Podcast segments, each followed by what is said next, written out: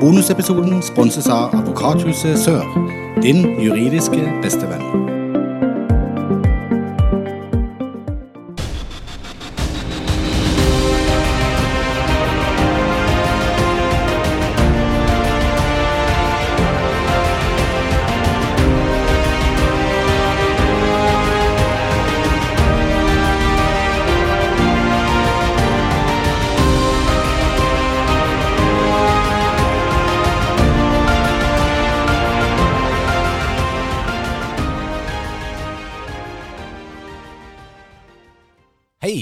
Velkommen til nok en skjærgårdsprat i regi av Skjærgården kultursenter. Denne gangen Loland, da stiller vi mannsterke, både med og det. Og det er jo flere grunner til det. Eh, denne mannen vi skal snakke med i dag, han eh, har, driver jo med noe som eh, ligger ditt hjerte veldig nærme hva gjelder hobbyinteresser. Og til- Sier du det, ja? Ja, det sier jeg. Fordi at du er jo storfan av filmer som er produsert før 1991. Ja, og jeg trodde du tenkte, tenkte på kroppsbygning. Nei, jeg, tenk, jeg tenker ikke på det. Jeg tenker på din filminteresse med Ja. Rambo og Jean-Claude van Damme, og du er jo født og oppvokst med plakater på veggen. Ja, ja, ja. Absolutt. Jeg har jo vært, hatt en ære av å gå på skole sammen med den vi skal snakke med i dag. Ja. Vi skal ikke holde lytterne lenger på pinebenken. De vet det allerede, de har lest coveret, så velkommen til Skjærgårdspraten med Daniel Stisen. Velkommen til Skjærgårdspraten. Hei, hei. Og velkommen eh, til Mandal, må jeg òg si. For dette, det, det er noen år siden at du bodde her i Mandal. Du har vært hjemme på litt sånn små visitter, men, eh, men det er ikke så mye du er i Mandal. Nei, jeg, jeg er her vel kanskje to ganger i året eller noe sånt. To ganger i Så jeg prøver å være her på en tur på sommeren og en rundt jul. Ja, jeg har sett på sosiale medier nå at du har vært ute på strendene og sånn. Ja. Jeg vil tro du savner litt det, for du bor til vanlig i London. Ja. Eh, er det Savner du skjærgården? Sjølufta? Ja, så klart at um, å kunne gå rundt her er sånn For det gjør når jeg er hjemme nå, så pleier jeg å ta hver dag en sykkeltur eller en gåtur rundt strendene. Ja. Så det er jo fantastisk. Får du med din venn Ronny Hansen da på disse turene? Han er med på en par av de. Men må han sette fra seg rullebrettet hjemme, da? For de fleste som bor i Mandal, har jo sett Ronny Hansen på et rullebrett derpå. Ja. Nei, jeg, jeg, jeg går en del tur alene, og så har jeg så spør jeg noen kompiser av og til, så går vi tur. Ronny er en av de, og jeg var ute med en annen i går, Trond. Så det er veldig fint å kunne gå tur, og særlig på sommeren. Jeg må jo, vi må jo hjelpe å plassere Daniel eh, Loland. Før vi skal tilbake til det herrens år av 1982, Ja. som var året da denne mannen ble født. Men eh, hvordan, skal vi, hvordan vil du beskrive Daniel? Nei, altså, eh, først så var du her, og så var du vekke, og så kom du tilbake med et smell. For det at da så vi at uh, filmen, actionfilmen, Last Man Down, Ja. uh, var kommet ut og gjorde det stort egentlig nesten over hele verden. Var det ikke det? Ja. ja, det vil jeg jo i aller høyeste grad si. Og ikke bare Altså, Det er ikke på små perifere plasser i verden, men det er, vi skal jo komme tilbake til dette i denne kronologiske tidsløpet til Daniel. Men eh, det er jo ikke feil å si at dette var en av de mest sette filmene i Canada, i USA, i Storbritannia, Australia. Asia òg. Tyskland, Spania, Ja. Italia. Så han er jo høyaktuell mens vi sitter her og prater. og Han har brukt mange år på å få ut, nå ut eh, med drømmene sine, for eh, han bestemte seg for på et eller annet tidspunkt at det er film. Eh, eh, og Kaller man det hovedrolleinnehaver i actionfilmer? Ja. Det er det Så det er jo noe med En ting er å lage film, en, annen, en ting er å være i film. En annen ting er å spille hovedroller. Så det er Ja. veldig forskjellige ting. Eller, det er jo samme greia, men det er litt Det er veldig vanskelig å bli lead. Ja. Det er veldig få som kan være det, ikke sant? Ja. Men, det er det som er en film så er det veldig mange skuespillere, så Og du var jo lead i Last Man Down. ja. Eh, For de av dere som har sett eh, filmen, så, det jo, så kommer du ikke unna at Daniel Stisen er lead. Og hvis du bare ser på coveret, så ser du at Daniel Stisen er lead. Og så er det jo kanskje en av de tøffeste trailerne som er lagd. Gjennom alle tider. Det er jo en eh, monstertøff trailer. Men vi skal komme tilbake til det. Men vi må starte fra starten. fordi at du, du er jo mandalitt. Du er født og oppvokst litt på utsida av Mandal. Eh, Du er én dag yngre enn undertegnede. Det, det er jo nokså kry for. Eh, Jeg pleier jo å være yngst her i studio, eh, med nokså god margin. Men nå har jeg fått besøk av en som er ett døgn yngre. Du er født 25.9.1982. ja. Ja. Du er 24. Jeg er 24. Et lite døgn seinere. Men de første var, det, var det Mandal som var de første leveårene, eller var du ute på Suvatn? Nei, jeg vokste opp i Vestnes. Du vokste opp på Ja, Vestnes, ja. Speiderveien. ja. Så du kunne blitt en sånn beste vestkantgutt allerede da, som eh, Ja, ja. Ja. Så vi bodde i Speiderveien fram til, til vi begynte på skolen. ja. Og da snakka pappa om å flytte ut av byen og ha litt større plass og sånt. ja. Og jeg tror de gjorde det akkurat sånn. De sørga for at jeg begynte på ny skole, så jeg ikke begynte der, og så, og så måtte jeg bytte underveis. Så jeg tror det var litt sånn timing der. Eh, selv om det passa veldig godt inn. Så han var lei av å bo i byen og hadde lyst på skog rundt seg, men også stor plass. Hva syns du om det, da? Når du kom fra Vestnes og så ut i skog og vann rett foran huset? Og... Så til å begynne med så tenkte jeg ikke så mye på det, men så klart når man ble 10-12 år og sånn, så var det, hadde jeg vel sikkert mest lyst til å bo i Mandal, egentlig. Men det var også bare det at når du blir litt eldre, så har du lyst til å møte mer folk og sånt, ikke sant. Så Ja, ja. Du ble jo dratt mye med til Mandal, for Ja. uh, vi må jo òg plassere Når Daniel sier pappa, så er jo ikke det eh, Det er jo selveste altså En av de største legendene innenfor styrkeløftmiljøet og eh, treningsmiljøene på Sørlandet, egentlig i Norge, Roald Stisen. Eh, kanskje ved siden av Harald Skum i Oslo, så er det jo den som definitivt har holdt på lengst med å drive treningssenter. Eller kaller det for styrkesenter. Lars, vi hadde jo besøk av Lars Klev. Så greide jo jeg å prestere å si vektløfting. Og da sa han jo bare rista på hele kroppen. ja. Så det heter ikke det, heter styrkeløft. Lars Klev drev med styrkeløft. Mm. Vektløfting er det som du ser på OL. Ja, akkurat. Du, så, men igjen, altså, du, så har du jo strongman, og så har du bodybuilding, og så har du fitness, og alt dette er jo innafor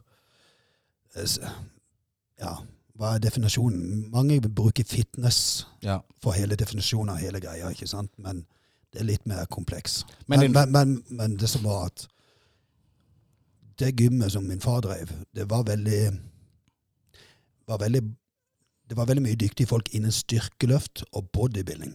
Mm. Og så vet jeg at det var vektløfting litt før han, han sitter igjen. Ja. Så, så begge de tingene der, så har det vært veldig populært Vi skal- når jeg vokste opp da. Mm. Men jeg vil bare ta en liten digresjon der. For Ja. jeg husker ikke feil hvis, hvis din far Roald drev med bodybuilding. Han har drevet med begge ting. Så Ja, det når han var veldig ung, så drev han med styrkeløft. Men så gikk han over til bodybuilding. Ja, for da var han med i noen mesterskaper nå. Ja, og så senere så coacher han blant annet Lars. Og, og så da coacher han mer i styrkeløft. Men coacher han det? For du driver med bodybuilding. Ja, til en viss grad. Ja. Til å begynne med. Ikke etter hvert, men de første årene som jeg konkurrerte, og sånn, så var han med på konkurransene og sånt. Og vi skal prate mer om Stisen nå etter hvert. Eller Roald Skum, det har hatt mange navn, men det har vært Roald Stisen som har vært liksom mannen bak hele dette opplegget hele tida. Men du starta opp på eh, Når, når dere flytta til Suvatnet, så var det jo naturlig at du skulle gå på eh, Holum skole. Ja. Var du et snilt barn? Var du en lærers drøm der oppe? Jeg, var vel egentlig snill, men jeg var nok litt rebelsk samtidig. Var du det, ja? Ja, jeg var, jeg var nok det litt, lite grann. Sa du, sa du ifra når du mente det var noe urettferdighet på gang, og sånn, eller var det det at du hadde litt sånn loppe i blodet? Jeg hadde nok mye energi. Ja, du hadde mye energi. Så, så det fant jeg Etter hvert så Idretten tok mye av den energien. Ja, starta du tidlig med idrett? Eh, For jeg husker jo når du kom på eh, ungdomsskolen, så var jo du et særdeles eh, stort squashtalent. Du spilte en del squash. Ja. Så skal vi se Jeg har vel alltid vært veldig aktiv med mange ting, men jeg begynte med fotball. Um, Ja, det- Og i fotball var du òg bra. Du var jo naturtalent på så idrettslige ting, så det lå vel greit for deg. Så, så jeg husker ikke helt når vi begynte med fotball, men jeg var nok litt uh, rebell fram til jeg begynte med idrett på skolen. Og så når jeg begynte med det, så tok, tok idretten all energien og fokus. Og da begynte vi med fotball. Ja. Og det gjorde en par år, og så samtidig så drev jeg og spilte squash. Ja. Ikke sant? Så, så over de årene der så drev jeg mye fotball og litt squash, og så begynte jeg å løfte vekter når jeg ble litt eldre. sånn 14-15 år så Ja. begynte jeg å gjøre det. Så når, når jeg møtte det på ungdomsskolen, da begynte jeg sånn smått med, med vekttrening. Ja. Jeg tror, jeg tror ikke jeg trente i begynnelsen, men jeg tror andre året der noe sånt, så begynte jeg å trene litt seriøst. ja. Eh, For jeg husker jo møtet med Daniel Stisen på ungdomsskolen som at han var eh, spesielt eh, flink i sånn ballspill, squash og sånn. Og da Roald hadde vel på Sand i den tida, squashhalla, så du, du, du var jo mange timer der. Men konkurrerte du i squash? Vi hadde noen sånn, eh, altså, sånne enkle gymmesterskap og sånt. Ja. Så jeg konkurrerte ikke utafor, men vi hadde noe gymmesterskap eh, hvert år. Og da hadde vi senior- og juniorklasse. Og junior var vel opp til 18 eller 20 år. Jeg, jeg, jeg har faktisk en pokal for det. Jeg tror jeg fikk andreplass opp til 20 år, eller noe sånt. Det var 12 eller 14. Ja, ja, ja, det tror jeg på. Så, var, så, så I forhold til alderen så var det jo unikt der. Jeg Ja. husker, og jeg husker jo i den tida så var det jo faktisk noen gode squashspillere i Mandal. Han eh, Salvesen, han Christian Salvesen, han var jo veldig aktiv, husker jeg, i den tida. Han er var vel litt eldre, så han var vel senior i den tida, men han var jo eh, aktiv. Det var jo, det var mange eh, aktive squashspillere. Eh, men for jeg kunne jo aldri tippe at du var en sånn rebelsk eh, unge på, eh, på barneskolen. Altså sånn som du var på ungdomsskolen, men det er jo som du sier, treninga tok litt vekk av den Ja, ja, Det tok energien, ja. så Men var du flink på skolen? Jeg syntes ikke skole var så veldig gøy, egentlig. Men eh, jeg var mer interessert i, i idretter og, og sånne ting. Men jeg var nok eh, Hvis jeg ville være flink, så kunne jeg være flink. Så jeg var kanskje ikke så flink til å gjøre lekser og sånn, men eh, Ja. Altså alt sånne ting. Matte, gym, naturfag, alt det der gikk veldig naturlig for meg. Så måtte jeg vel bruke litt mer tid på språk og sånne ting. Ja. Men ja, jeg, vil, jeg vil si at det var tålig Jeg har vel vært ganske heldig, så jeg har hatt ganske gode, godt talent for, for idrett og fysiske ting. Og så har jeg hatt et, et OK hode samtidig, så Så du slapp å stresse med skolen for Ja. å komme deg gjennom? ja. Eh, Men språk, det lærte man Altså Det er greit nok med grafikk, og sånn, men du lærte vel Det Nei, grammatikk heter det. grafikk. Ja, ja, ja, men, men ikke sant, altså, språk, da mener jeg ja, sånn grammatikk og alt dette her. Du husker de tjukke bøkene Ja, ja, er du gal? Ja, ja. Og så med litteratur og alt dette Ja, her. ja. Så Ja, for jeg tenkte på engelsken, for den lærte jo vi òg. Det var jo vanskelig med engelsk grammatikk og sånn, men vi lærte jo engelsk når vi Ja. så på film. ja. I am a boy. Murdoch, I'm coming to get you. Det kunne vi. Men jeg skal, jeg skal si det noe som er litt kult med, det, med engelsk. Og dette hadde jeg glemt, men det sa Håvard. Ja. Håvard Norheim, nå har vi name-droppa han. ja. Mm. Så det, når vi begynte med engelsk på skolen, så husker jeg de snakket om Altså forklarte hvorfor vi måtte lære engelsk. Mm. Sånn. Språk, business-språk, og du må bruke det hvis du skal reise ut i verden og alt sånne ting. Og da hadde visst jeg sagt, dette var Håvard sin ord, at jeg hadde sagt at eh, jeg måtte lære, lære engelsk for jeg skulle til Hollywood og lage film. Hadde du sagt det allerede på Først, når, når vi ble introdusert til engelsk. Så da andre klasse på barneskolen cirka, rundt der? Ja, jeg husker ikke når vi begynte med det, men når vi begynte med engelsk, så det var vel andre, tredje eller fjerde klasse, jeg husker ikke. Så dette sa Håvard eh, Dette fortalte han i voksen alder? Han fortalte meg det et par år siden. Ja.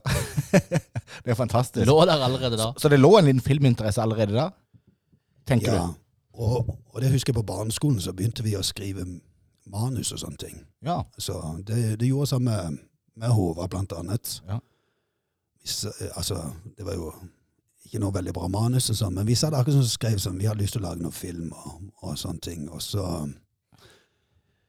uh, Men når jeg kom inn på når jeg begynte på ungdomsskolen så begynte jeg å gjøre det, og videregående så begynte jeg å gjøre det veldig bra med, med styrke. ikke sant? Ja. Så da tok det alt fokus. Det tok fokus. Så, så da glemte jeg, jeg I ti år så glemte jeg helt film. Men altså, jeg likte alltid film, men det var ikke noe som jeg brukte tid på eller tenkte på noe karrieremessig på. Men hva slags filmer var det du likte der når du var barn? Um, jeg ble inspirert av de samme filmene Ja, som det er ikke tilfeldig. Rambo, Rambo. Mm. Rocky, Kommando, Ja, Kommando. Ja. Men, og jeg husker jo du fortalte en gang at uh, eh, du, du mente å kunne huske at dere drev og spilte inn litt grann som barn. Altså Du fikk med din bror, blant annet. Og så hadde det gjerne Håvard som var bak kameraet. da. Ja. Så jeg husker ikke hvor gamle vi var her, men kan vi ha vært en 10-11 år gammel.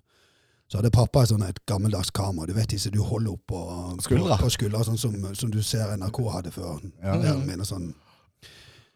Så hadde vi skulle vi da lage Rambo-film. På Suvatnet. Ja, så hadde vi fått Rambo-kniver til jul et par år før. Disse her eh, som du kan åpne opp, vet du. Ja, kjefte, der ligger det fiskeutstyr Ja, ja, ja. Du hadde sånn, Jan Erik. Så hadde, hadde, hadde en pil og bue og noe sånt. Så da skulle jeg eh, spille helt, og Markus, eh, min lillebror, skulle være skurken. Og så var, jeg tror jeg det var Håvard som var kameramann.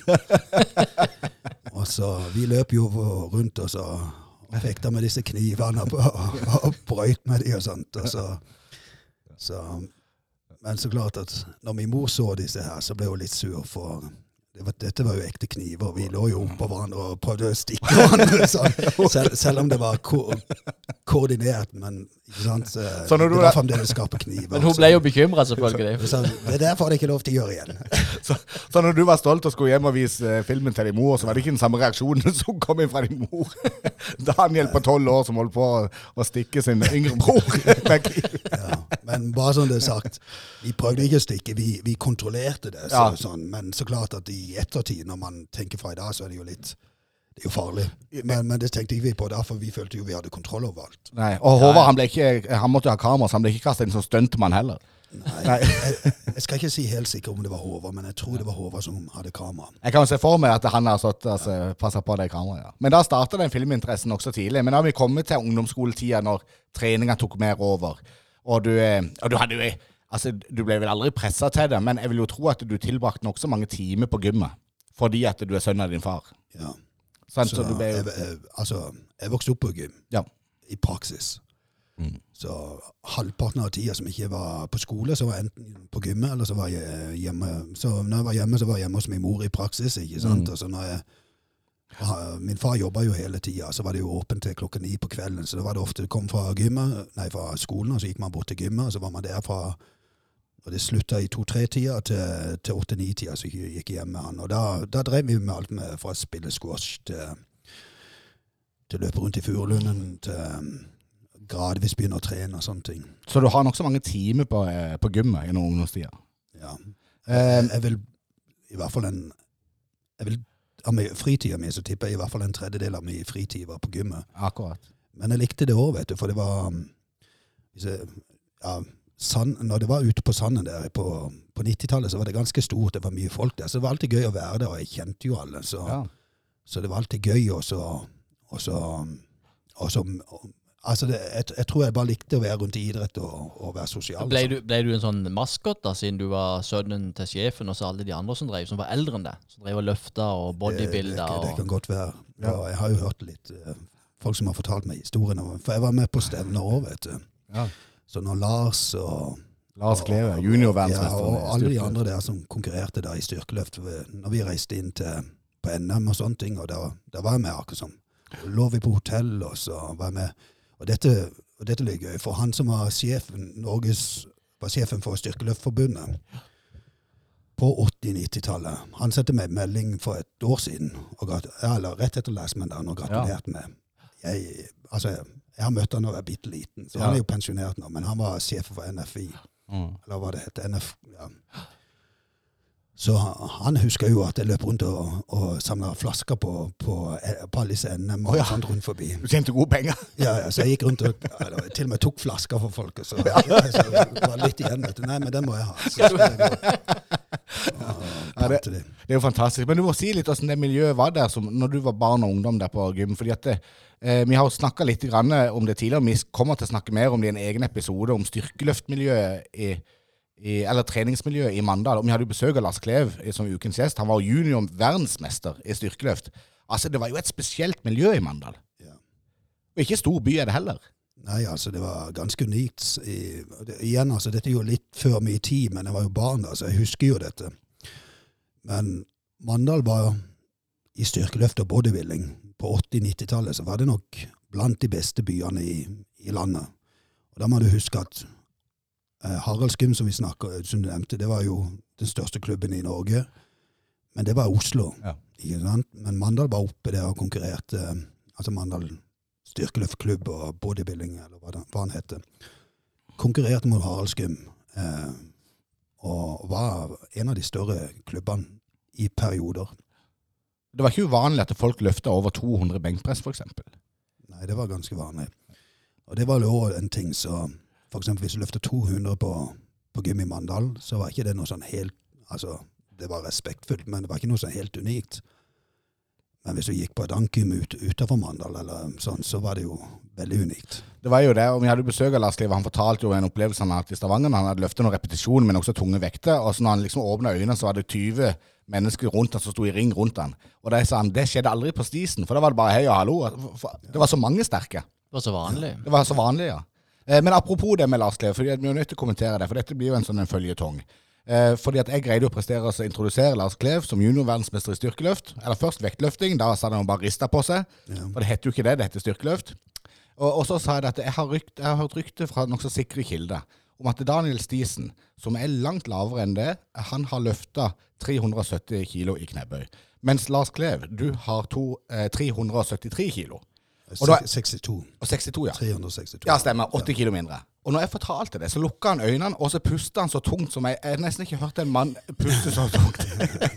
For det er litt sånn i det miljøet sånn at det er liksom eh, Men, men det, det stemmer, du tok 370 kilo Det- på trening. Det, stemmer, så, så jeg vil bare presisere på det. Så Lars Klev har 362 på stevne, som er det- Du må gjøre det på, på stevne for at det skal være godkjent. Mm. Jeg har aldri løfta det på et stevne, så det er ikke noe godkjent løft Nei. i den forstand. Men jeg har løfta 370 på gymmet med, med, med styrkeløfter som har stått og sett på. Som, så, så det har vært et godkjent løft i form av dybde og sånn. Men jeg hadde utstyr på meg, fullt utstyr. Men det vil aldri være godkjent i forhold til noen rekorder, fordi at dette var gym, gymløft, ikke, ikke offisielt på noen stevner. Så det er veldig viktig å poengtere. Lars har løfta mye mer enn det jeg noen gang har gjort på stevne, men jeg har nå løfta 370 på, på gymmet uoffisielt. Men hvor mye tenker du har han løfta mer på trening? Uoffisielt, Lars? Nei, jeg tror ikke det. Nei. Eh, og Bjarne Syversen bekrefter jo historien din, for han, var faktisk, han er jo en venn av Skjærgården kultursenter. Ja. Og jeg snakka med han dagen etterpå, han husker det veldig godt når du løfta 370, for han var et av vitnene. Ja, ja, ja. Sammen, med jeg tror Sven Karlsen, som var verdens sterkeste mann, og så var tror jeg Øyvind Klemsdal eller Ivar Johansen var til stede, og min far. Ja, men da tenker jeg det er nokså troverdige vitner. Men 370 kilo, det er jo eh, abnormt mye. Du, og jeg, jeg greier jo ikke å forestille meg mye det. Men hvis du tar eh, gamle Lolandmann her, som er 50 år nå. Ja. Eh, sånn OK middels godt trent. Hvor langt unna er han 370 kilo? Hvor mye løfter han i knebøy? Altså, igjen det er veldig individuelt, for noen er fysisk atletiske og ikke, Mm. men, men altså en, en sprek mann løfter kanskje 150, som, som ikke trener aktiv. Ikke sant? 150, er 120 til 150. Kommer an på gal du er. ikke sant? Du, og du er nokså gal når du løfter 150. Og hvis du da plusser på 220 kilo på de, Ja, så har du Daniel Stisen i en alder av rundt 20 år. 20 år. Og det som var så unikt med dette her, det var jo det at jeg veide 99 kilo, og så var jeg 21 år gammel. Så jeg sjekka når jeg løfta dette. Vel bemerke, jeg løfta dette uoffisielt på gym, men først så så vi hva verdensrekorden i samme klasse var. Mm. Det var 370. Og det var det, jeg tror det var Øyvind som sa ja, gå for det. Oi, helsike. Så, så, så, så, så, jeg, så jeg har offisielt tangert verdensrekorden i knebøy for min aldersgruppe og klasse. Ja. Men det var opp til 23 år, og jeg var 21. ja. Men er det Så- sånn at med sånn et tungt løft, når du drar på der, er, Ja. kan ting bare smekke da? Eh, livsfarlig. Ja. Jeg, jeg husker jeg var rød i øynene i, i fem-seks dager etterpå, så det er jo ikke, det er ikke sunt. Så det har mye med vilje og syke å gjøre, i tillegg til styrken. Litt galskap. Ja. ja. Men, men åssen var adrenalinet når du hadde tatt det løftet? der? Hvor sterk føler man seg da? Føler man seg som verdens sterkeste mann? Man føler seg ganske rå, altså. Man Ja. gjør det. Og en annen ting som er litt kult òg med dette her. Jeg trente jo mye sammen med han Sven Karlsen, som var verdens sterkeste mann, i årene etterpå. Så han bodde i Kristiansand i den tida. Og da hadde vi, så han hadde besøk av mye sånn, sånn veldig sterke folk fra hele verden som kom og trente med han. Så vi hadde, han hadde besøk av en som heter Sergej fra Russland, som var to ganger olympisk mester i vektløfting. Og det var vektløfting Mm. som, som du løfter over hodet, ikke sant? Mm. Og han trodde ikke på, når han fortalte hvor mye jeg løfta, han nekta å tro på det. Ja. Han hadde eh, så, så at, at jeg kunne så, Men så klart at knebøy var nok noe som jeg var bygd for. Altså, altså Mye av disse tingene er jo som du, kropp, kroppen er bygd, ikke sant? Så akkurat for, for knebøy så er jeg perfekt bygd. Ja. For når jeg løfter, så går vekta rett igjennom kroppen. Du kan se altså Det er sånn litt teknisk, men vekta fra, fra, fra den ligger på der, den går rett gjennom knærne. ja, som 90 grader på en måte. Ja. Og, og, og der er du perfekt bygd for det. Hvis du Ja. er bygd sånn at du, vekta ligger litt foran, foran knærne og sånt, så, så er du ikke perfekt bygd for det. Så akkurat for det er jeg perfekt bygd. Jeg har vært sterk i stort sett alt. Benk, markløft, eh, roing og alt dette her. Men knebøy var helt unikt. For, for å gå tilbake til Sven, nei, Lars Klev. Han er sterk i alt. Ja. Han er helt sykt sterk. Altså, Og et, og et jeg- jeg- naturtalent. ja, jeg var sterk i Jeg var veldig sterk i mange ting, men, men jeg lå langt bak han i alt annet. Ja. Men akkurat den der knebøyene, så var jeg i stand til å løfte uoffisielt på et gym eh, enorme vekter. Men du har løfta over 200 i benk, du òg? Ja, det har jeg. Ja. Og du du sier jo dette, det var nokså vanlig å løfte 200 i benk. Når du forteller om disse vitnene som sto rundt deg når du tok dette løftet, knebøyløftet på 370 kilo, så er det vel ingen av de heller som har Altså alle de har vel òg løfta over 200 i benk? Ja. Ja, ikke sant? Det var det var en vanvittig miljø. Så, så eh, eh, min far løfta 200. Eller jeg skal ikke si sikkert, men jeg innbiller meg han har sagt en gang han løfta 200, 200 to ganger eller noe sånt, eller fem ganger. Ja. Ivar Johansen, som, som også sto der, jeg tror han har løfta 230. Ja. Og så um, Sven Karlsen, som var der, han har jo løfta Jeg husker ikke, men han er jo 260 eller noe sånt, eller 280. Um, og han Klemsdal, han har vel òg løfta, når han var på det sterkeste, en 210 eller 220 eller noe sånt. Nå, det er noe dere må sjekke, for, men Ja, ja. et sted mellom 200 og 220. Ja. Og disse tingene skal vi snakke om når vi skal ha, ta styrkeløftens eh, historie i, i Mandal. Ja, ja, absolutt. Men nå må vi litt tilbake igjen til historien her. For da, nå har vi allerede snakka om etter at du flytta fra Mandal. Men vi må gå litt tilbake igjen. Ja. Mm. for du forlot jo byen på et eller annet tidspunkt. Ja. Og, og, og hvorfor gjorde du det? Men, men du, før, før, det, før han flyttet fra byen, eh, bodybuilding. Ja. For du starta med det eh, på et tidspunkt der. Du, hadde- du drev jo med styrkeløft og alt mulig sånn, men du starta nokså aktivt med bodybuilding i relativt ung alder. Ja. Jeg husker når vi gikk på videregående, så eh, drev du med bodybuilding. ja. Så jeg begynte med styrkeløft, Ja. med klar mål om å drive med bodybuilding. Men jeg var ikke klar for bodybuilding. Okay. Så, så, men jeg hadde lyst til å begynne å konkurrere. Jeg har alltid vært veldig sånn målrettet og analys, analytisk på det jeg gjør. Så jeg, jeg begynte med styrkeløft da jeg var 16, så jeg lurer på om det var, sist, var det siste året på ungdomsskolen eller noe sånt. Mm. Så da begynte med det. Og da tenkte jeg det var en fin måte å lære med å bli vant til å konkurrere og sånt. Og så gjorde jeg det tålelig greit i det. Altså, men jeg, jeg, var, jeg tror jeg var med i NM med mest eh, kretsmesterskap, sørlandsmesterskap og sånne ting. Så det var gjerne fra 16 til 18. Og så begynte jeg å fokusere veldig på bodybuilding, for da begynte jeg å få litt mer størrelse. ikke sant? Og så konkurrerte jeg første gang da jeg var 20, 20 år gammel. Da stilte jeg i noe som heter Oslo Grand Prix. Oslo Grand Prix er egentlig ganske stort stevne, for det er egentlig i praksis nordisk. For de beste fra Norge, Sverige, Danmark, Finland, Estland, Island osv. som konkurrerte der. Og da stilte jeg minus 90, som var en, var en veldig hard klasse. Det var 10-15 virkelig gode utøvere der. Jeg gjorde ikke noe bra der, men det var på grunn av at jeg var ikke i god nok form. Men alle dommerne kom og sa til meg hadde du vært i litt bedre form, så hadde du vært topp tre her. Mm. Så det var akkurat som å lære seg hvor, hvor, altså, hvor, hvor skarp du skal være. ikke sant? Altså Skarp mener jeg hvor, hvor lite kroppsfett du har. Så det er jo det som er veldig ofte når du begynner med bodybuilding, at du bommer kanskje de første gangene litt på, for du forstår ikke hvor langt ned du må i kroppsfett. Men jeg var ikke i dårlig form, men jeg var ikke sånn at jeg kunne slå de beste fra, fra Danmark og, og Sverige og Norge der på det. Men jeg vant juniorklassen ganske greit. Ja. Og så året etterpå, for da hadde jeg lært at jeg måtte bli i bedre form. Så året etterpå så stilte jeg på NM, og da var, da var jeg 20 eller 21. Jeg tror jeg var 21.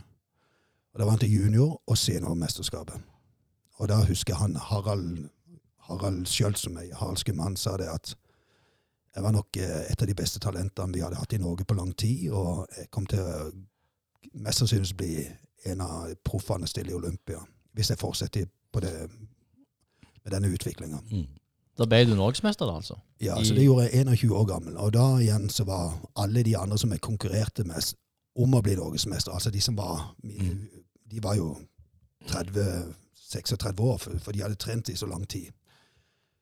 Uh, for det tar tid å bygge muskulatur, så, så du er kanskje på det beste I denne idretten så er du på det beste sted mellom 30 og 50. Og så daler du ned. Så du må ha alle de årene. Så de, de andre, tredje, fjerdeplass og sånt, de var alle, hadde holdt på i 20 år, liksom. Og så slo, jeg, slo alle de. Før jeg slipper til Ola nå til den kronologiske livsrekkefølga, så må jeg jo si det, for jeg husker jo veldig godt at Daniel eh, han har alltid vært nokså ekstrem i tankegangen, spør du meg. Eh, en en, en nokså typisk vinnerskalle. Og jeg husker at du uttalte på et tidspunkt, eh, kanskje vi var 17-18, Det var i den tida du begynte eh, Arnold Schwarzenegger var jo stor som skuespiller. Ja. Han var jo Mr. Olympia, hvis jeg ikke husker helt feil. Ja. Og du var nokså tydelig på at det, det skulle du òg bli. Ja. Jeg tror Altså, jeg husker ikke helt åssen dette Men jeg har en Jeg husker sånn halvveis, så Når jeg vokste opp og så disse filmene da var jo for, Jeg var altfor ung for å se dem. ikke sant? Man var kanskje ni-ti år gammel. Så Enda yngre for å spille det inn, som du faktisk gjorde med ja, ja, ja. Så, så, men, men, men, men eh, jeg, jeg så noen av disse filmene sammen med noen kompiser. Og så husker jeg så Rambo. Jeg tror det var min far som lot meg altså, Han så på den, og så Min mor hadde aldri tillatt det. Men han så at det snek meg inn, så la meg under bordet eller noe sånt. Og så tror jeg ikke han brydde seg så mye om det. Så satt jeg og så på Rambo. Jeg tror det var Rambo 2 eller Rambo 3. Og så og det samme når vi så Kommando. altså Det var jo noe jeg så med noen kompiser sånn, eh, i den alderen. Det har nok forma åssen jeg, jeg tenker, for det var bare sånn Wow, det ser tøft ut. Ja. Og så hadde nok eh, For min far, han når, han når vi var yngre, så var jo han veldig interessert i disse tingene, og bodybuilding og sånt. Så han hadde jo alle disse treningsbladene, Muscle and Fitness og, og Hercules og Ironman og sånne ting. Og Jeg husker jo at han viste meg bilder av Arnold, og disse kjente bildene fra Venice, vet du, når Arnold og Franco Colombo og Lou Ferrigno og alle disse her i svart-hvitt fra slutten av 70-tallet, så de bildene der, så forklarte han litt han forklarte litt hvem denne fyren var. ikke sant? Så veldig tidlig så fikk jeg inn at dette er en fyr som, som forstår å vinne og er veldig flink. ikke sant? Mm. Så tror jeg nok, når jeg kom inn i når jeg var rundt 14-15 år, så begynte jeg å le, lese veldig mye om åssen han gjorde ting. Og det har nok forma Han hadde en helt unikt måte å tenke på. Og det har han nok fått litt av, av det i, miljøet som jeg vokste opp i. For det var jo idrettsmiljø, ikke sant? Og det var om å bli best. Altså, så i tillegg så satt jeg og leste på disse bøkene om åssen han tenkte, og hvordan han gjorde alt. Og da tenkte jeg ok, så hvis den beste tenker sånn, da må jeg òg tenke sånn, for det, det er sånn du blir god. Ja, ja. Han var jo ekstrem, men han er jo kanskje en av de mest suksessfulle menneskene i, i vår tid. Hvis du tar Han har lykkes nådd helt i toppen i tre-fire forskjellige ting. ja, og nå sitter han som guvernør i, i Ja, staten. han, han var det. Eller han var, ja. ja, ja, ja. Men det er jo det som er litt kult, da. Og for mange, altså Vi var jo mange som så på, på Stallone og Arnold og disse store kraftkarene. Men, men du har jo den evnen at du blir så interessert at du setter deg inn i åssen kom de der til. Og det er jo det ikke alle gjør, ikke sant? Og det viser jo hvor målbevisst du er. For det, du er jo rimelig målbevisst. Uh, Men det har nok kommet fra, fra det idretten. Altså idrett, og for det lærer du altså, I hvert fall sånn som jeg lærte idrett, var at du skal bli best. ja. Du skal bli god, og ikke nødvendigvis bare delta. Så, og det er kanskje litt unorsk, men det var sånn jeg vokste opp. Jeg vokste rundt, opp rundt verdensmestere. Ja, ja. Min, min kusine hun hadde, hun hadde også verdensrekord i knebøy. ja, ikke sant? Ja, da har du det. Ja, så når jeg var så, så når Lars Pappa trente jo disse, så Lars var jo verdensmester for menn i tunge eller i det. Og så samtidig var min kusine hun hadde verdensrekord i knebøy. Ja. Det er jo litt Og- og- og- og Dette vet jo ikke folk om. Ikke sant? Så, så det, og så har du min far òg, som var veldig sånn han, han hadde forstått dette med, med idrett, akkurat som eller winning mindset. Så når du har sånne mennesker rundt deg, og du hadde noen av disse her eh, gamle kompisene hans som var styrkeløftere, sa det at hvis du, hvis du skal være mann, så må du i hvert fall løfte 200 i benk. Ja. Så, så, og, og du er åtte, syv, åtte, ti år gammel, Ja. så, så, så, så forstår du ikke bedre. Nei, nei, da har du noe å rette deg mot. Jeg, jeg må, det er jo en liten digresjon, men jeg var i Oslo i sist helg og jobba med en eh, mann som kommer fra Evje. Han er 42 år nå, han, vil si han er født i 1980. Og så, han, så spør han vi har aldri møtt hverandre før. Ja, du født og oppvokst i Mandal? Så sier jeg ja, det er. Og det første han sier da, at det var jo et vilt treningsmiljø i Mandal på 80- og 90-tallet. Så oppe i dalen, oppe i Evje og Bygland og sånn, så var jo liksom De, de kikka til Mandal når det gjaldt treningsmiljø, så det er jo nokså det nokså kult, egentlig. Ja. Og så er det litt sånn sørlandsk å ikke kreditere det. At ikke jeg, at ikke jeg visste at de, de kusinene har en knebbe verdensrekord. Sånne ting burde man vite. ja, vi er flinke til å ikke snakke om ting. Ja, vi er det. Vi er det. Men nå kan vi gå videre, Lola. Ja, nå vil jo jeg videre, videre kronologisk, da. For da du flytta Var det Kristiansand du flytta til først? ja. Jeg bodde i Kristiansand i fire-fem år, tror jeg. Ja, på, For å gå på skole, eller eh, Nei, det var Altså Nei, jeg, altså, jeg hadde vel Grunnen til at jeg flytta på meg, var vel enkelt, enkelt og greit. Det var hvis du skal bli god, så må du trene med de som er dyktige. Og når vi kom på denne tida, så var ikke det miljøet i Mandal så veldig stort. Og det var det ikke i Kristiansand heller. Så det ene stedet som var virkelig stort miljø, det var egentlig i Oslo, og så var det egentlig oppe i Trondheim på den tida som jeg konkurrerte. Så det var akkurat som hvis jeg skal konkurrere, så må jeg inn og, og bo i Oslo og, og trene med de beste. Ja, så For, for dette, dette vet man jo. altså. Hvis du, hvis du trener med dyktige mennesker, så, så hever du deg sjøl opp. Mm. mm, Og, og, så det var vel det som var motivasjonen.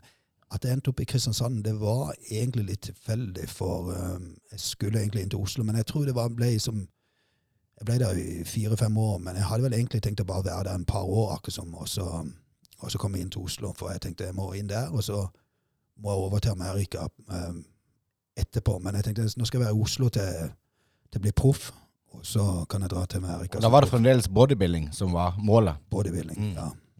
altså planen var allerede satt, og målet, altså kursen var staka ut. Ja, Dette ja, var ja. et delmål. Ja, ja så, så igjen, altså Kristiansand var vel bare um, litt tilfeldighet, og så kjøpte jeg en leilighet der inne. og Så, så ble det akkurat som han ble boende der. Uh, og det var jo også, som jeg sier, han Svein Karlsen, som var Mm. verdens sterkeste mann. Han bodde i Kristiansand, så vi, jeg trente veldig mye med han da. Og jeg Ja. reiste litt med han. Så skal jeg ta en annen ting når vi snakker om Stallone og disse her.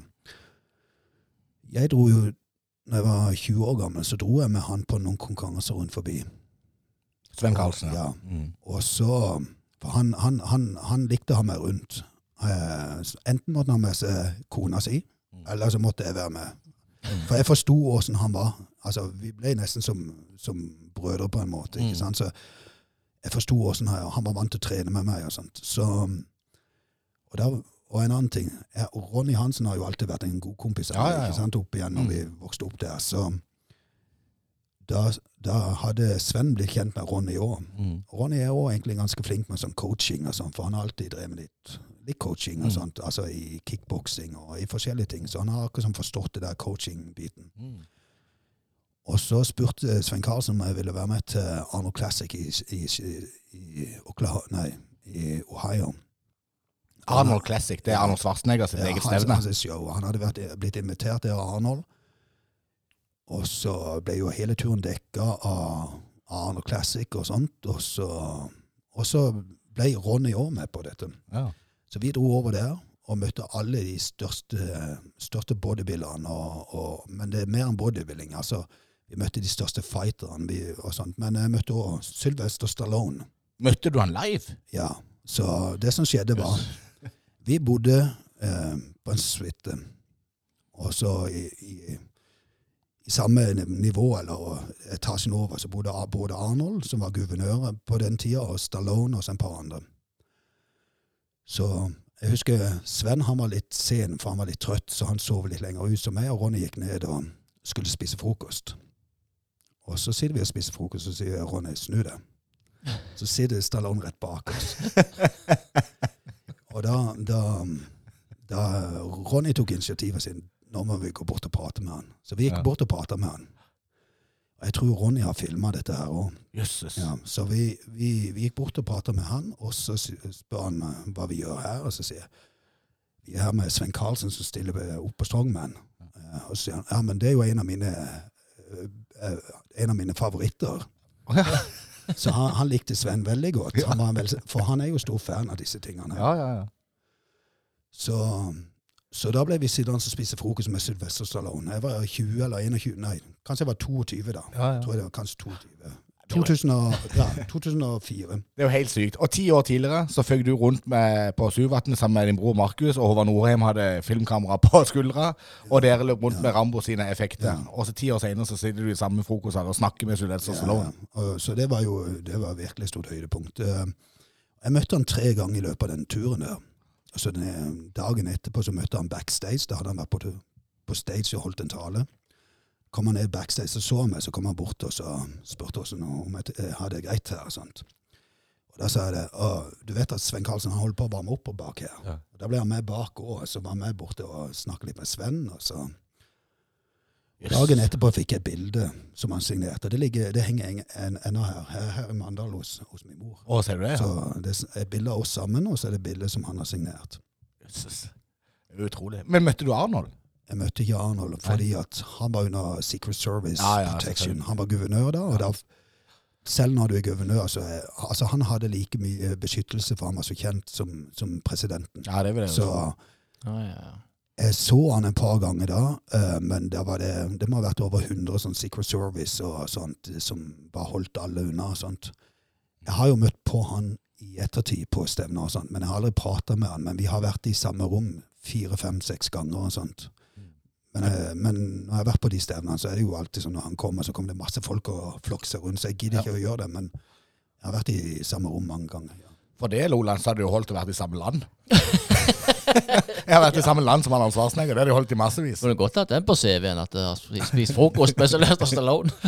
Men dette bringer oss jo egentlig naturligvis eh, videre inn i filmverdenen, gjør det ikke det, Loland? Jo, vi kommer vel til sånne brytningspunkt nå, hvor uh, bodybuildinga tar litt av, og så går du over til film. Ja, Eller- så det, jeg holder på med bodybuilding seriøst fram til 2009. Ja. Uh, så Og da var da var jeg, jeg begynt, Det som var at jeg begynte å få noen skader, for jeg løfta jo så, så i tungt, vet du. Så det var jo gøy når jeg var tidlig 20 år, men det kom en konsekvens av det når jeg begynte nærme 7-28. Akkurat. Knærne knirka litt, og hadde fått noen små avrivninger og sånt.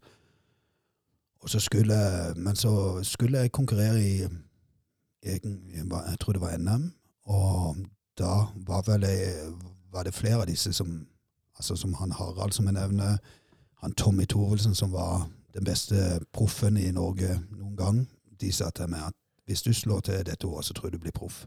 Ja. Jeg var egentlig klar til, til å ta det neste steget sånn. Og var, og rett før konkurransen så hadde skulle gjøre en, en shoot for treningsforum, eller jeg tror det var treningsforum, et norsk sånn treningsmagasin. Så kasta jeg jo på masse vekter på knebben, så det skulle se tøft ut. Og tok de, men da var jo rett før konkurransen, du har lite kroppsfett. Tok en par reps, og så tok vi bildene. Og når jeg kom hjem senere på kvelden, så hadde jeg vondt i, kne, i låret. Så, så så jeg plutselig bare blitt blå. Så jeg hadde rykende muskulatur inni der, men det hadde jeg ikke merket sjøl. For du er så fokusert når du løfter.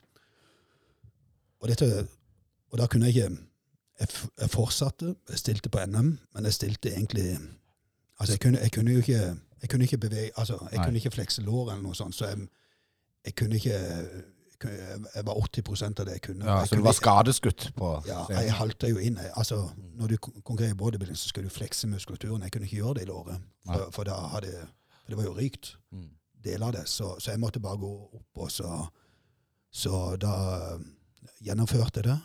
Eh, og så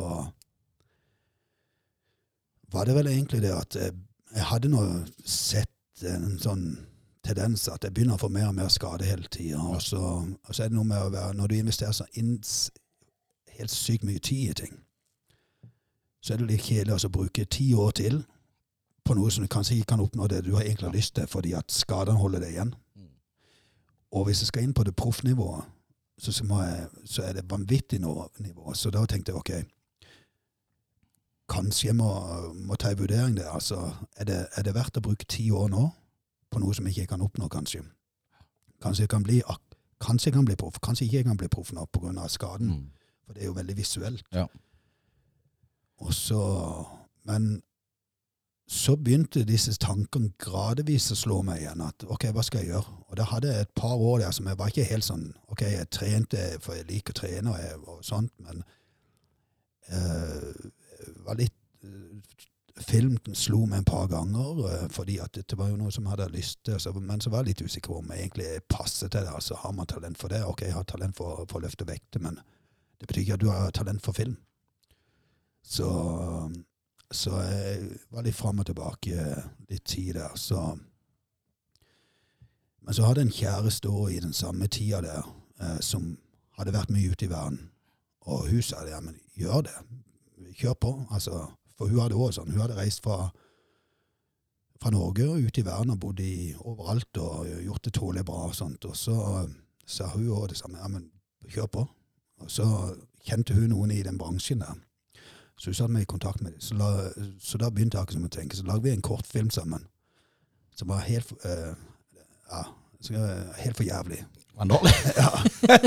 Det var noe som vi skrudde sammen, ikke sant. Og så- Hadde jeg skrevet manus og regi og alt sammen sjøl? Ja, Det var samme han, han her som, som var interessert. Han hadde alt sånn filmutstyr og sånne Ja. ting. Og så Nei, det, det var ikke noe all verdens greier. Men visste du det allerede da, at denne filmen er dårlig? Jeg så jo det nå. Ja. Altså, jeg visste jo ikke når vi filma, men jeg så, Oi, shit. Men det som var positivt med det, forskjellen er på enkelte eh, Det der hvordan mitt mindset fungerer.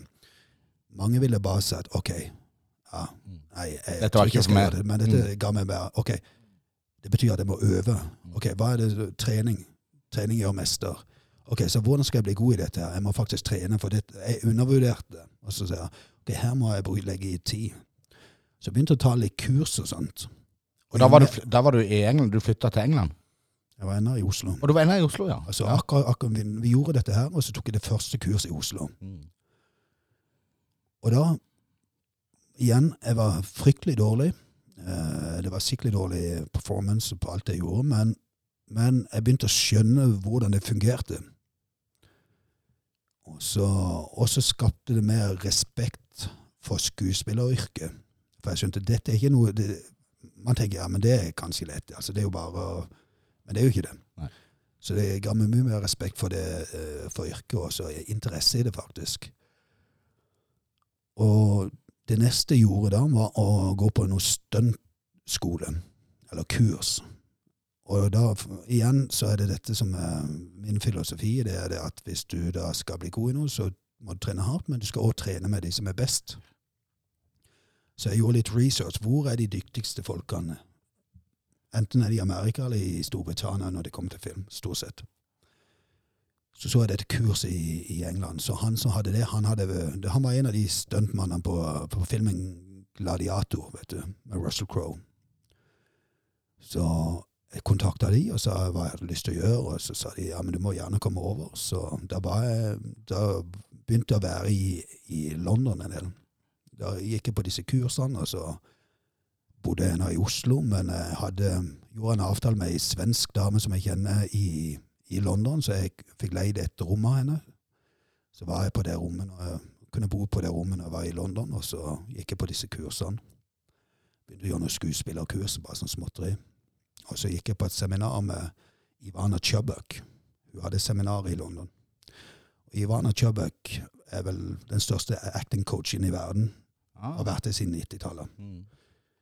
For langt tilbake så har du disse her Lee Strasberg og, og, og en del av disse som var store på 60, 50-, 60-, 70-tallet. I vår tid er hun den største. Så var jeg der og, og, og hørte på når hun hadde dette seminaret. Og allerede så hadde jeg begynt å bygge opp litt relasjoner, for jeg er ganske flink med dette med, med networking og sånn. Så det var ei så, og i, før dette så hadde jeg òg vært i Sverige på noen kurs, og så hadde jeg òg møtt ei fra Nederland som, som jobber med, med den teknikken der. Eh, og hun introduserte meg til Ivan når jeg var på det kurset. sier Ivan, du må snakke til han her. Og det er litt kult, for allerede så sa hun han er Norges svar på Rocky Balbora. Ja. Ja. Hun, er fra, hun, hun fra Nederland. Så sa hun Så det, det merka jeg. Når, når hun sa det, så var det Ivana. Oi, kult. Ja, for det, det slo meg nå. Hvis jeg, jeg fikk en sånn tanke i hodet. Hvis, hvis du skulle bli stuntmann, Daniel, så har alltid jeg tenkt at ja, men må ikke de ligne litt på de de skal spille? Ja. Og jeg ser, Det er jo bare ett menneske jeg i hele verden eh, kan se for meg du kunne se ut som å være stuntmann, for det må være Rocky Balboa. Ja, Jeg da må jeg ta vekk skjegget. Men det er jo ikke så mange andre Loland med disse musklene, så eh, altså, hvem skal du ligne på? Skal du hoppe ut fra det der eh, Ja. Men jeg, jeg, hadde aldri ambisjon om å være stuntmann. Jeg gjorde det som en coaching. Igjen så er det sånn Hvis jeg setter mål, så tenker jeg veldig gjennom ok, hva må jeg lære hvis jeg skal drive med actionfilm. Ok, Hva må jeg forstå? Jeg må forstå skuespill, jeg må forstå action. Jeg gikk over på sånn eh, Trente år. Jeg dro til Polen og trente med sånn sånn eh, leiesoldater og sånn. Så jeg var, var nede på sommeren en hel sommer og trente med leiesoldater fra hele Europa og Latin-Amerika. Sånn, så trente på, på eh, special mission, altså skyte skarpt og rett og slett med, med, med sånn leie, leiesoldater. Er så fremmedlegionaktig, eller? Ja, jeg kjenner igjen han som starta det. Han er tidligere Special Forces. For, han starta Special Forces i Polen etter kommunismens fall. Ja. Så han eier dette her. Og jeg kjenner barna hans sine Ja. som driver dette nå. Og det er et av de største private contractors, som det heter på fagfeltet, i Europa. Det var mye, det var russere, det var ukrainere, det var polakker, det var franskmenn, det var meksikanere, det var engelskmenn, det var grekere, det var, det var fra hele verden. Men Hva er det du skal trene på? Er det åssen du beveger deg i Jeg, jeg tenkte ok, hvis du skal gjøre actionfilm, så må du forstå hvordan du bruker våpen, og du må lære å, å, å Altså, du må forstå den greia der. Mm. Og av jeg kjente de, igjen som jeg sier, jeg har alltid kjent mye folk, så, så forklarte det. Så normalt tok de bare inn profesjonelle soldater. Men de tok meg inn. Men jeg hadde jo drevet, jeg hadde skutt en del med pistol før oppe på en skyteklubb i Oslo. Ja, så må du være nokså knallhard i hodet, tipper jeg. vil vil tippe det er en av grunnene til at de vil ha soldater, for de må ha noen som er mentalt forberedt. Jeg hadde jo sittet på en stein og røyket der og, og gaula meg hjem. Men, men de, de, de visste at uh, Altså, jeg forklarte jeg, jeg har ikke noe interesse av å gå i, i, ut i, og, på oppdrag. Jeg vil, jeg vil trene sånn at jeg kan bruke det på film. Ja, for du ville forstå det. Mm. Men de syntes dette er veldig kult. vet du. Alle syns film er kult. Så de Ja. lot meg gjøre det. Og i løpet av sommeren så eh, graderte jeg faktisk. Så jeg har et uh, sertifikat på at jeg klarte å gå i, ut i high risk zones uh, som, som uh, leiesoldat. Men- Fikk og- den med på og-. Og, og igjen, dette kommer tilbake til dette med å være idrettstalent. For i løpet av den perioden så gikk jeg fra, fra å være ganske fersk og, og, og til å være he, Altså, jeg kvalifiserte. Jeg var over middels blant disse leiesoldatene. Og i teori var jeg en av de beste. Så igjen så er det med at jeg har veldig god forståelse for teori. Mm. Men når du, når du da starter som helt ferske ting Ja. For dette, dette gjenspeiler jo alt det du har drevet med, egentlig. Om det er styrkeløft, eller om det er bodybuilding, eller om det er film. Så har du starta en plass, og du fortalte jo sjøl at den filmen var jævlig dårlig, den første. Ja. Men er du skrudd sammen sånn at det nederlaget der, det vil aldri kunne knekke det? For veldig mange mennesker ville jo tenkt nokså umiddelbart dette er ikke noe for meg. Men tenker du sånn at det, ja, dette er bare en del av planen? Det er planen er litt sånn at du skal møte den motgangen der. Og så får du enda mer sånn vilje. Ja, altså Jeg har lært meg det at så lenge du trener hardt og målbevisst med ting, så blir du god. Så har har talent litt å gjøre. Eh, Noen ganger har talent litt mer å gjøre enn mindre, men stort sett er det trening og, disiplin du legger i det over tid, som, som avgjør hvor dyktig du blir i ting. Så, kom- så kunne, kunne det godt ha vært at når jeg så det var så dårlig, at jeg tenkte ja, ja, men da kanskje ikke der jeg har mest talent. Men jeg hadde nå veldig lyst til å gjøre dette, her, så jeg tror nok Ja. jeg ga meg sjøl en sjanse for å se hvordan det utvikla seg. Og igjen så utvikla det seg ganske godt fort. Ja. Og, og da begynte jeg å skjønne ok, kanskje ikke jeg har verdens beste talent for det, men jeg har godt nok, og så har jeg disiplinen som skal til for, å få det til. Så igjen, der går det tilbake. Jeg har gjort den prosessen så mange ganger i så mange forskjellige ting nå at jeg tror jeg kan få til hva som helst Mm. hvis jeg virkelig vil. Men det, må ta tid. Altså, det det er ikke over, over en natt. Man kan sette av fem år, ti år. Hvis du setter fokus på det, så kan du klare det. Og nå flytter du til London. Så etter jeg hadde gjort disse stuntkursene og sånt, ikke sant, så da var jeg litt i London. Og da var vi i 2011-2012 eller noe sånt. Ja. Var det da du bestemte deg for at du skal bli lead? Allerede da? Eh, Ja, jeg hadde, hadde begynt å legge en plan på det, ja. Uh, og så når jeg møtte hun Ivana Chubbuck i London, og hun introduserte meg, hun fra Nederland, da sa Ivana ok, hvis du har lyst, kom til Los Angeles, så skal jeg trene. Og så sier jeg ok. Jeg vet ikke om hun hadde forventa det. Så tre måneder etterpå så skriver jeg melding til henne, og nå er jeg klar til å komme. Ja. Og så kom jeg, og så trente jeg der borte og kjørte på. Da trener du deg i skuespill. Ja, Altså, acting. Og da er jeg på en acting-skole, eller studio som det heter i Amerika. Det er ikke en skole helt, men det er nesten en skole. Så det er ikke for nybegynnere, det er for erfarne skuespillere. Um, når jeg kom der, så var jo han som var lead i Vikings, han der eh, Flem... Uh, var, det er han som var lead, han som var Ragnar Lordbrot Nei, jeg husker ikke hva han heter. i Vikings. Husker du han? Nei, Jeg har sett Vikings. jeg har ikke sett Vikings. Nei, men han som er lead der, i hvert fall. Travis uh, Flemmel, eller noe sånt heter han. Når jeg kom der, så var han ennå på skolen der. Og da hadde han akkurat fått rollen i Vikings, eller han hadde nettopp begynt å filme det, så det hadde snakka folk om, at nå hadde han brytt igjennom. Og tidligere her, altså Ivana er kjent for at du har coacha Brad Pitt, Hallaberry, du coacha De Niro, coacha Stallone i sine eldre dager. Hun har jobba med nesten alle store skuespillere. Uh, men de som må virkelig ha, det var Brad Pitt og Hallaberry som, som gikk kun hos henne, som hun bygde opp. Og Så det var mange etablerte skuespillere og sånt. Så, så gikk jeg der, og igjen, altså, til å begynne med så er det vanskelig fordi at Ok, man har jo lært engelsk. Det lærte vi tidlig, men man bruker det jo ikke i daglig. Og I dag så bruker flere folk engelsk i daglig, men Mm. når jeg gikk over der, så var det sånn man snakker jo norsk stort sett hele tida, så brukte man det når man var utafor. Så én ting er å forstå engelsk, en annen ting å leve og, og, fi, og ha feelen og flowen i engelsk, som du gjør i performance. Det er to helt forskjellige ting. For det er òg noe med Når du, når du, um, når du um, snakker Når du snakker norsk, så er du connect, uh, connection mellom feelings og emotions til språket. Fordi at når du vokste opp som barn, så har du hatt du har grine, du har slåss, og så snakker norsk. Så språket har connecta til feelings. Ja. Når du lærer det i eldre, eh, når du blir eldre, så, og, og når du bare har brukt det når du reiser på tur, så har du ikke connecta språket til emotions. Nei, nei, nei. Du tenker ikke på engelsk, liksom. Du tenker ikke, men, du, du, men ikke bare tenker, men du, du, du lever det ikke, du føler ikke. Det er ikke sånn at når du var barn, at du, du slåss og du gråt og gjorde alt disse tingene, Ja. og så um, har du reaksjon i engelsk. Så Mm. de, de følelsene er ikke connecta til ordene i engelsk. Det er noe jeg har lært på skole, Ja. på acting coach. Eller det. Så utfordringen for de som ikke er født i Storbritannia eller i Amerika, er det å klare å connecte det hvis du skal drive med acting. Ja. Så det var noe som jeg lærte gradvis. Nå, nå, nå er jeg connecta, for nå er, det- nå er jo engelsk nesten Altså, det er jo det første språket for meg nå. Drømmer du på engelsk nå? Har du bodd så mange år i Altså, utlandet at eh, eh, eh, drømmene eh, dine er på engelsk? Det vet jeg ikke, men jeg skriver jo på engelsk. Så når jeg Ja. skriver notater, så er det på engelsk. ikke sant? Ja, ja. Når Um, Altså, hvis du ser på telefonen min, så er det jo meny på engelsk, ikke sant? Ikke på Mm. norsk. Så jeg har nok eh, Men dette har jeg gjort bevisst, for jeg har måttet Integrere det i det. integrere det som en del av meg, Mm. hvis jeg skal gjøre dette.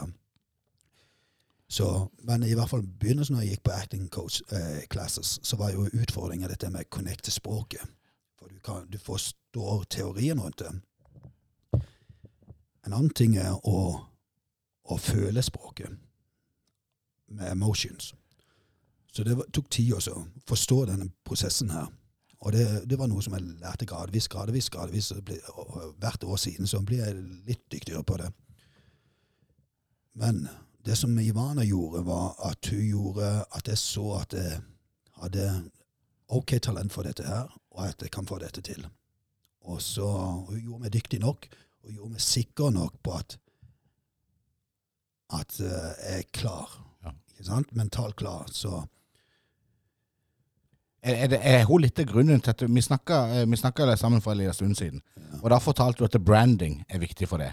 Det, eh, Du har sikkert fått eh, tilbud om en haug med forskjellige typer jobber, Ja. men det er noen jobber som du bare ikke kan ta. Ja. Eh, For, eh, er det litt av den eh, at du har fått av henne i vane, at du har vært så sikker på hvor du vil henne? Nei, ja og nei. Altså, hun, hun var nok Det som hun var viktig for meg, var at hun Hun gjorde meg eh, komfortabel med acting. Eh, før det så følte jeg meg sånn Ja, jeg vet at jeg ikke er veldig god på dette her. Og, og når du skal opp på scenen i, i, i Los Angeles med profesjonelle skuespillere og så skal du uh, gjøre performance på engelsk i et språk som du ikke er komfortabel med performance Det er i. jo jævlig tøft gjort. Jeg hadde jo besvimt lenge før jeg og, og, så- og så sitter verdens beste coach der, og så har du um, masse dyktige skuespillere. Altså, du føler uh, Ja, og du er mye dårligere enn alle andre, så du, den, den er litt tøff, altså. Men uh, gjennom den prosessen så herda jeg meg sjøl og visste jeg at jeg var god nok på dette. Så i ettertid så har nok det bidratt med veldig mye. Når det kommer til branding og sånt, det er litt Det er mange ting Jeg har vært, eh, jeg har vært rundt så mye forskjellige mennesker som har vært suksessfulle. Og det samme jeg bodde i Oslo, så var veldig mye av de folka jeg kjente mye, mye rart der òg, men det var veldig mye dyktige idrettsfolk. Så, så jeg har alltid hatt flinke folk som har vært dyktige. Så jeg, gjennom å, å ha sånne folk rundt meg, så har jeg lært veldig mye fra litt fra alle. Mm. Så jeg har henta litt der og litt der. Så ser jeg ok, hvorfor, hva er det som er spesielt med han? Jo, det er sånn. Uh, så, så Det slår meg jo at du har, eh, du har bestemt deg for å være veldig tålmodig.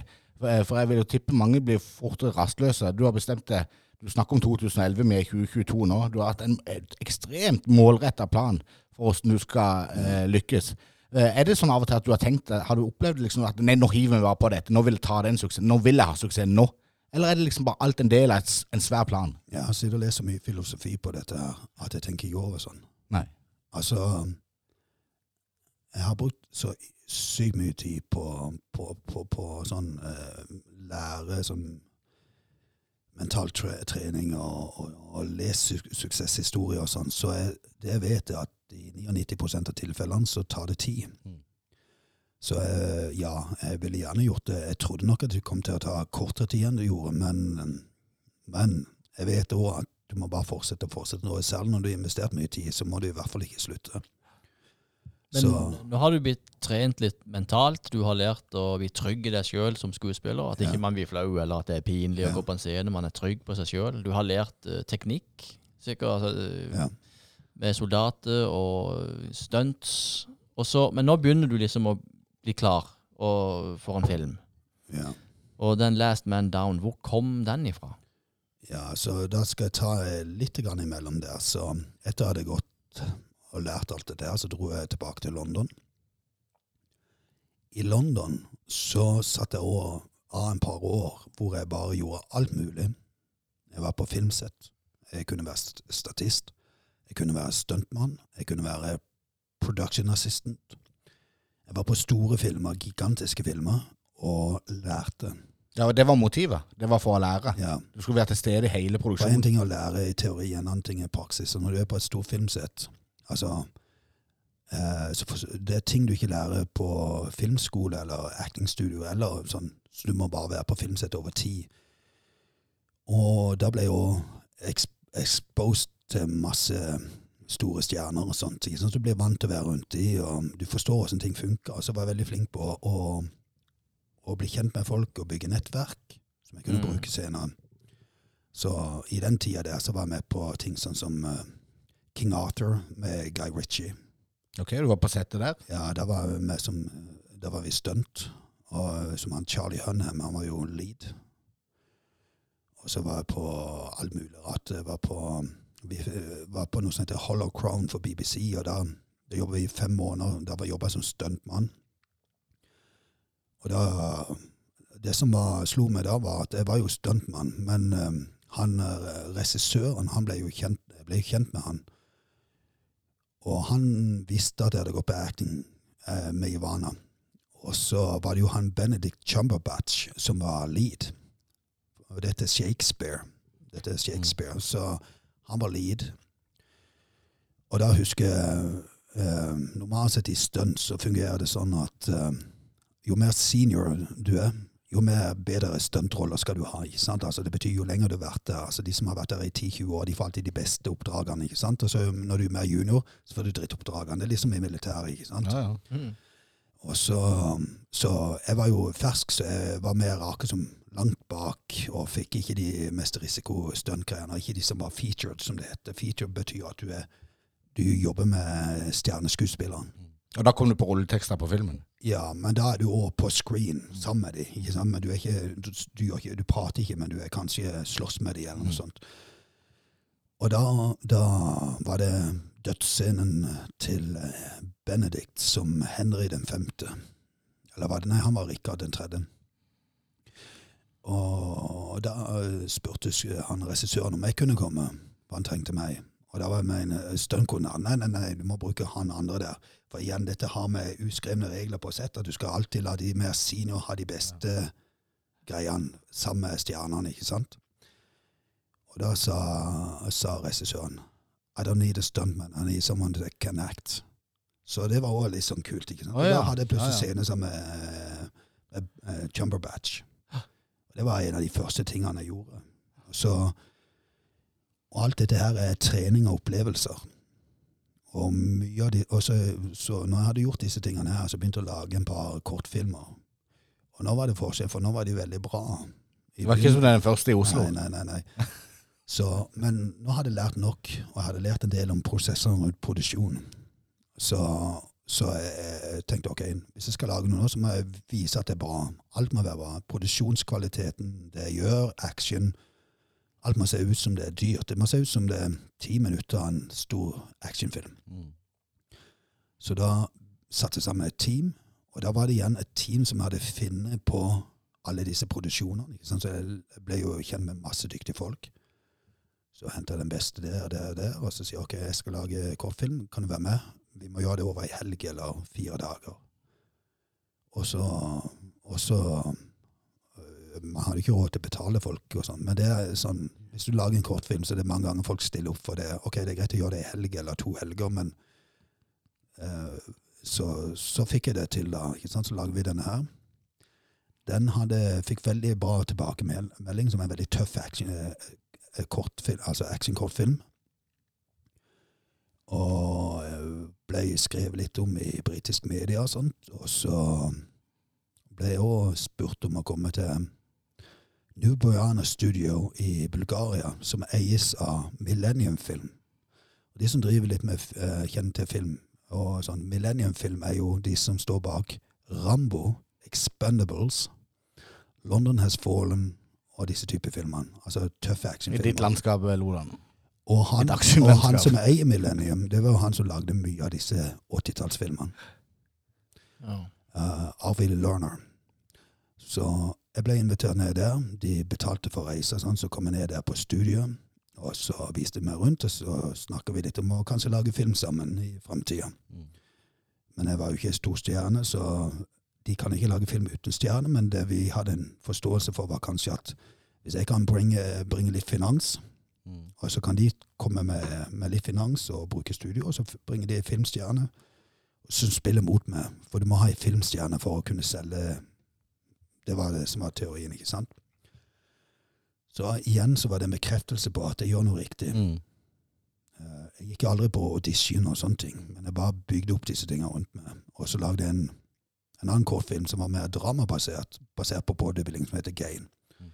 Og Der viste jeg at jeg kan gjøre drama.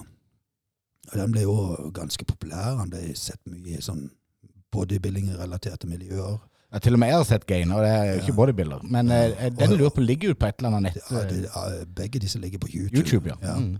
Og jeg så sånn, plutselig så jeg det at Men's Fitness i, i den spanske versjonen skrev om gain og, og litt eh, kommentar om det. Så man så jo at dette spredde seg. Mm.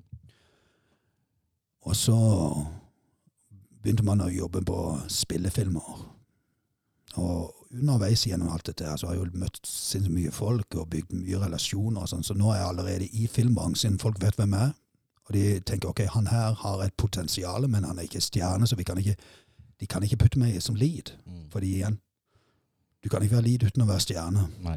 Men du blir alle stjerner uten å være lead, så det er så eh, høna og egget. Men de var veldig interessert i å jobbe med, med på sikt, disse alle, sånn at du har et eller annet greie som funker. Vi har sett det i de der kortfilmene. Så når du, er- altså når du, men du må få en, en greie, og så, så jobber vi sammen. Og så, så jobba jeg med å få i, få i gang noen filmer, og så kom jo coviden. Og i London var det jo full lockdown. Og så i samme tida så trente sammen med en som heter Riz Ahmed. Vet du hvem Riz Ahmed er? Nei.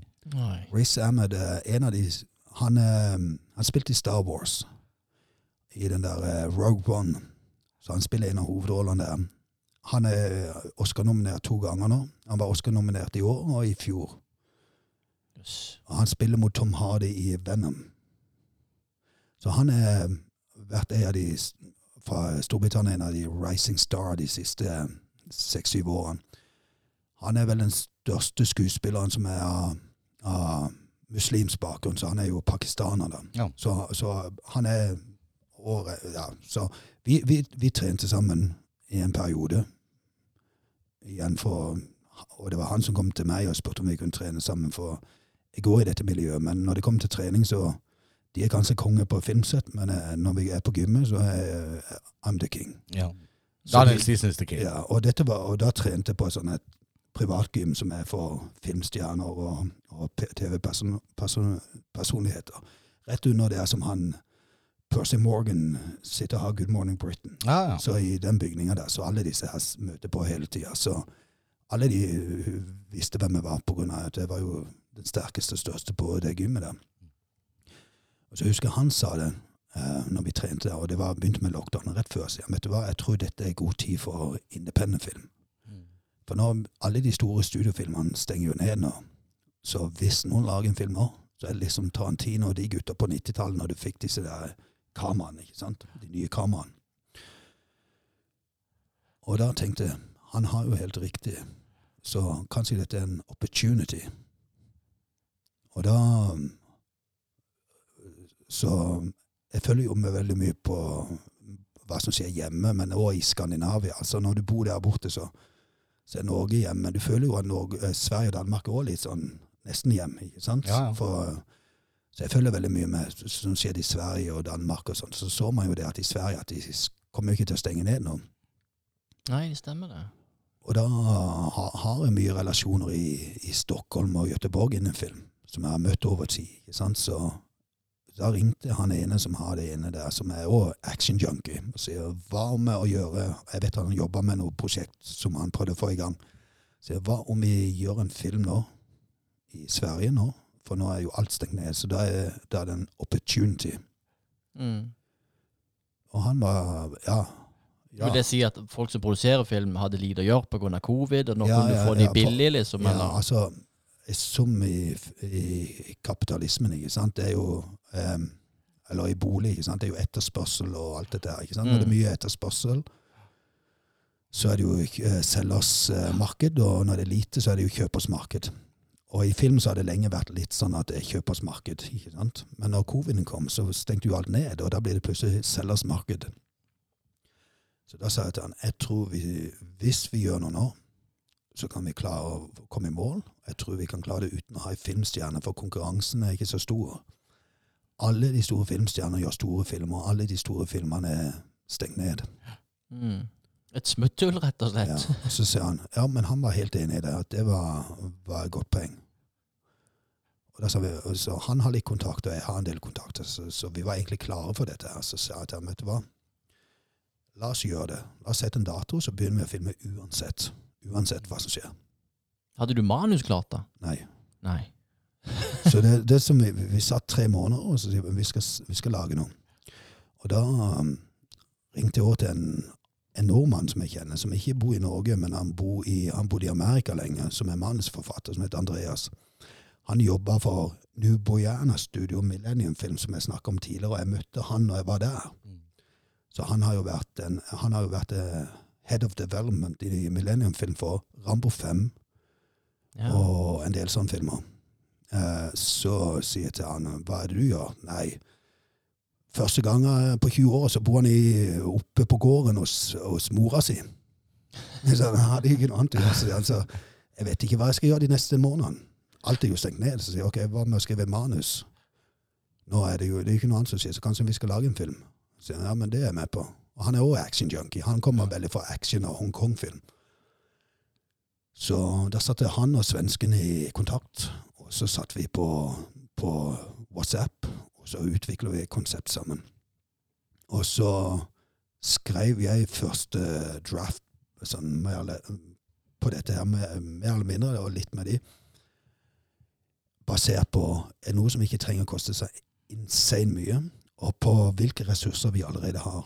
For vi visste allerede at vi hadde Vi sjekka litt, så vi hadde tilgang på en militærbase, flybase i Gøteborg, og så har vi tilgang på et krigsskip og så en ubåt som, som det svenske forsvaret sa vi kunne bruke.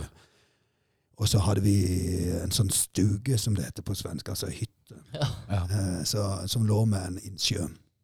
Og det var jo òg greit, for da var det jo langt unna folk, og det var jo enklere med covid.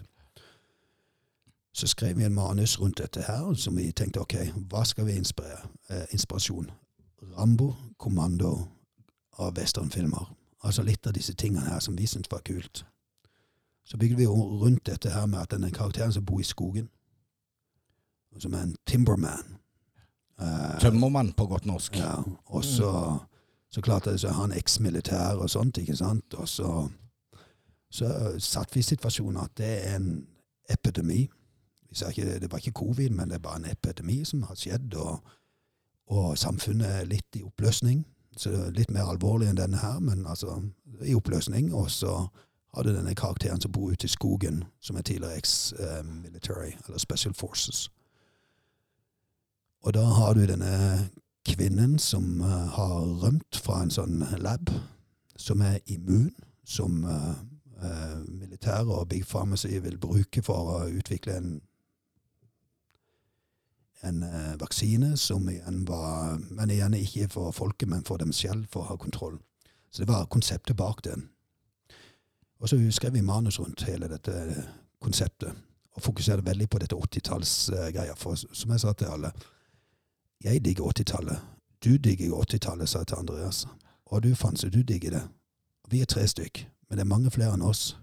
Mm. Så hvis vi lager noe som er inspirert av det, så er jeg sikker på at det er mange andre som kommer til å se dette. Så, Det fikk du jo rett i. Eller Ja, ja så, så, og så sa jeg en annen ting. Jeg sa jeg tror vi kommer til å få veldig dårlig kritikk på dette, her, for dette er jo ikke typisk uh, Oscar-winning perform eh, performance eller type film. Mhm. Men jeg tror det er veldig mange som sier dette blir kult, eller syns det er kult. Og jeg hadde rett i alle disse tingene. Mm. Vi lagde filmen. Vi brukte alle ressurser vi hadde. Uh, vi hadde en, det var en kombinasjon av, av eh, briter som jeg kjente fra London, som vi fløy inn. Og de var jo bare happy å kunne komme seg ut av lockdown, for de satt jo i lockdown og Mm. ingen jobb, og sånn, så kunne de komme seg til Sverige på sommeren og lage film. Så var det en del svensker, og så var det en par nordmenn. Og de nordmennene de, de gjorde en avtale med en stuntskole i Norge. Og de, de tok en buss og kjørte over til Sverige, og så var de der en måneds tid. Uh, og dette var jo unge stunt uh, fra hele Skandinavia som, som gikk på den skolen. Så, så lagde vi filmen. Eh, det var tøft, det var ekstreme forhold. Eh, vi pusha grensen helt enormt. Vi kom i mål, og så fort vi var ferdig, så hadde vi allerede begynt å få eh, jeg, eller, jeg, jeg hadde fått e-mails fra forskjellige eh, sales agent og distributører som hadde hørt at vi hadde lagd action, og om denne var til salgs. Igjen fordi at det er ikke noe annet å få kjøpt. Akkurat. Ja. Så vanligvis vil ikke jeg være interessant, Mm. for de ville heller ha Tom Cruise og Dwayne Johnson og, og disse her. Men nå var det ikke noe film med dem, så da må de se litt ned på skallen. ok? Vi må ha action. Ok, Han der holder på å lage noe. Han ser jo tøff ut, i hvert fall, så kanskje, kanskje det. Og så hadde vi en screening. Nå hopper de fram. Så hadde vi en screening i Berlin, på Berlin Filmfestival. Eh, og da Hva, hva er en screening? Screening er en, Visning. en visning. Det, de kalles for screening når du selger en film. Ikke sant? Så screening for distributører. Alle distributører i Hollywood og alle filmstudioer, altså studio, da snakker vi om Warner Brothers, eh, Sony, Disney, alle disse her, Netflix, Amazon, alle kom på den screening. Ja. Det er ikke normalt på en sånn type film. Men igjen så var det situasjonen som gjorde at Det var ikke 100 andre screeninger å gå på. Det, det, det, Innen actionfilm så var det ikke så veldig mye som var lagd, fordi at uh, de store actionfilmene var satt på hold, og de kom litt senere. Så, så det var altså sånn som Jeg vet at uh, Hvem var det som var det? Jeg tror det var Sony eller Warner Brothers som hadde sagt til vår den, De sier normalt sett så er ikke vi interessert i non-star-driven actionfilms, men vi kommer og ser på den i hvert fall. ja. Men det gjorde noe unikt. Det gjorde at alle de store kjøperne i Hollywood så meg i performance. Og hva som kom i ettertid, var Det var ikke alle som var interessert i å kjøpe filmen. Alle sa det at han der har potensial. Så det ble som en slags enorm audition-film som Ja, du kan så- bruke til til alle disse viktige som er i. Hollywood. Og så hadde vi en, en sånn budkonkurranse mellom et par av disse her. Um, jeg kan si det her, for dette, på engelsk og sånn, men vi hadde Saban som kjøpte filmen, og så hadde vi Lionsgate og en par av disse her som, som var veldig interessert. Lionsgate, eh, det er jo de som har um, De har jo Ja, de igjen, altså Denne her med uh, London Have Fallen, og så har de jo den med hun der med den buen. Var det hun? Oh, ja. Jennifer Jennifer Lawrence. Mm. Ja. Mock, Mockingbird Står det helt stille. Ja. Jeg husker de der storfilmene for et par år siden. Og da var det det som var at Saban gikk av med seieren, for de var litt mer De var veldig De sa dette her er vi interessert i. Ikke selg den til noen andre. Vi vil ha denne her. Eh, og, så, så Lionsgate var positiv, men det var litt mer sånn Ja, vi, ja. Og så når vi da hadde diskuterte hvem vi skal selge til, så, så, sa hun da, CC-en, at så klart at Saban er veldig flink. De er mindre, men de er veldig flinke på å få fram independent-film. Og, så, sa hun, og en annen ting er jo det at de virkelig vil ha filmen, og de er villige til å pushe for det. Så kanskje det er riktig å gå med de, selv om de er litt mindre. Men de er fremdeles store, altså. Dette er et selskap som er verdt eh, 30-40 milliarder, eller noe sånt. Så Ja. det er et stort selskap. Mm. Uh, så vi solgte til Saban. Eh, Saban uh, hadde en release på traileren i august 2021. Og traileren gikk, tok helt av. Mm. Og da, uh, i løpet av noen dager etterpå, får vi melding fra de at sier dette her kommer til å smelle. For de har gjort så mye sånt, og de sier at dette var veldig mye respons. All, plutselig, hver dag, tre-fire sånn filmmedier i Amerika skriver om dette. Noen skriver at dette er gjenopplevelsen Altså, dette reboot av 80-tallets actionstjerner. Ja. Mm. Det var noen av disse filmselskapene som skrev Nei, magasinene. Mm. Du hadde mye sånne ting. Og så Det traff spikeren på hodet, rett og slett. Ja, ja. Og, og, og, og da var vi uh, Ja, så, så traileren bare begynte å gå uh, viral, som det heter. ikke sant? Og Mm. så um, Jeg tror i løpet av ei uke var det over 50 amerikanske sånn magasin, eller nyhetssider, eller hva du kaller det for Mm. som skrev om dette her. De skrev om hvem jeg var, og uh, noen skrev dette her. Det både bilder fra Norge og actionfilmer, og veldig mye var referert til Stallone og Arnold. Altså de sånn, her er noe som minner om de, de der type filmene der. Og så hadde vi en uh, release, så de kjøpte jo for den engelskspråklige verden. Um, og da hadde vi en release i oktober eh, på Video on Demand. Video on Demand er jo kjøp, og, kjøp eller leie. Og så hadde vi DVD. I Amerika er det ennå et stort DVD-marked, selv om ikke du tror det. Men gang, altså det er ikke som det var, men det er stort. Mm. Og så visste jeg at det gikk veldig bra på Video on Demand, men vi, vi så ikke tallene. Men på DVD kunne vi se. Og der var det i to måneder med forhåndssalg. Dette var før han kom ut. I de to månedene før, siden trailer-releasen, så var han topp ti mest solgte DVD i Amerika av alle Totalt, altså. totalt i de to månedene før. Ja, Det er nokså heftig. Når, når James Bond kom ut, den kom ut i samme tid. Det, akkurat når den kom ut, så var James Bond den nyeste, nummer én, og Last Man Down var nummer to Mm. Ja. på DVD. Og når denne ble slippa på disse andre plattformene, altså som Ja. Netflix UK og USA og Canada og Australia, sånn, så var det jo bare umiddelbar suksess. Altså Med noe helt sinnssyk rating. Og jeg har tenkt på det et par ganger, for dette er nummer to i Canada. Nummer, Ja. nummer to over 14 dager i USA. Altså, det var på Netflix, så innenfor actionsjangeren Mm. Han hadde release, han hadde samtidig i alle disse landene. Over den åpning uh, opening weekend, som man kaller det for. I kategorien actionfilm så var han nummer to i Amerika, Canada, UK, nummer én i Australia og New Zealand. Av alle filmer som var på Netflix, så var han nummer fem i Amerika, nummer fem i Canada, nummer tre i Storbritannia, alle filmer den helga. Og så nummer to i Australia, alle filmer. Eh, det vet, du, vet du hvor mange visninger det har vært på den filmen? nei, det, altså, det, mange- Netflix gir ikke ut Nei, de ikke det. Men det er jo snakk om hundretusenvis av det, det, det, det, det er så sinnssykt mye. Og jeg skal si noe mer. Når den hadde release på den, så var jeg Altså, du har jo den IMBD som du søker opp og sånt. Ja. Og da var jeg plutselig blant de 100 mest søkte skuespillerne i hele verden. Jøsses. Det er jo fin liste. Eh, det bare, bare sånn Altså Topp 100 av alle skuespillere, mest søkte skuespillere i hele verden. Det, Men du- det men er du- helt, helt sprøtt. Men du tar ikke av likevel. Så når du kommer til Mandel, så labber du inn på pappas gym og eh, trener som om eh, som om vi er tilbake i tolv år i tid. Også. Ja, det står jo Har du ikke sett den limousinen på utsida av de fire bodyguardene? Ja, nei, jeg, jeg har, har stjålet mamma sin bil i dag, så. Men er det mange som kjenner Når du kommer til Mandal, er det mye filmpreg da? Altså, det som jeg ser, folk som jeg kjenner fra før av, Mm. de spør, de fleste spør, ja, og jeg ser det går bra med, med film og alt sånt. Uh, og så ser jeg nok noe som jeg har lagt merke til, spesielt med de som er yngre, som jeg ikke kjenner. De kikker veldig når de ser meg. Å, herregud. Altså, de snur seg.